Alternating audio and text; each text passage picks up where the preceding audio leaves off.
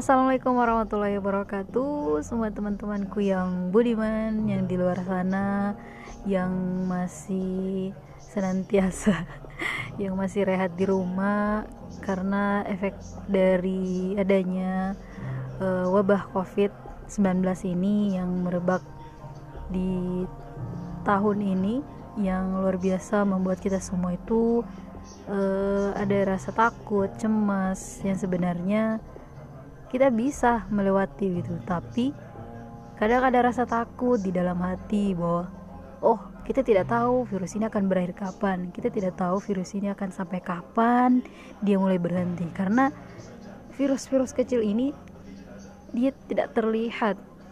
Masya Allah gitu ya dia makhluk Allah yang tidak nampak dan susah untuk kita deteksi di mana dia akan singgah di tubuh kita gitu.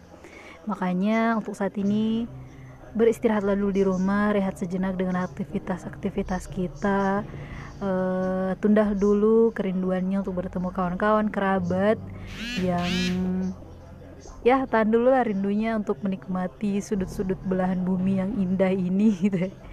Yang kita harus social distance harus taat pemerintah juga harus taat taat aturan juga gitu ya.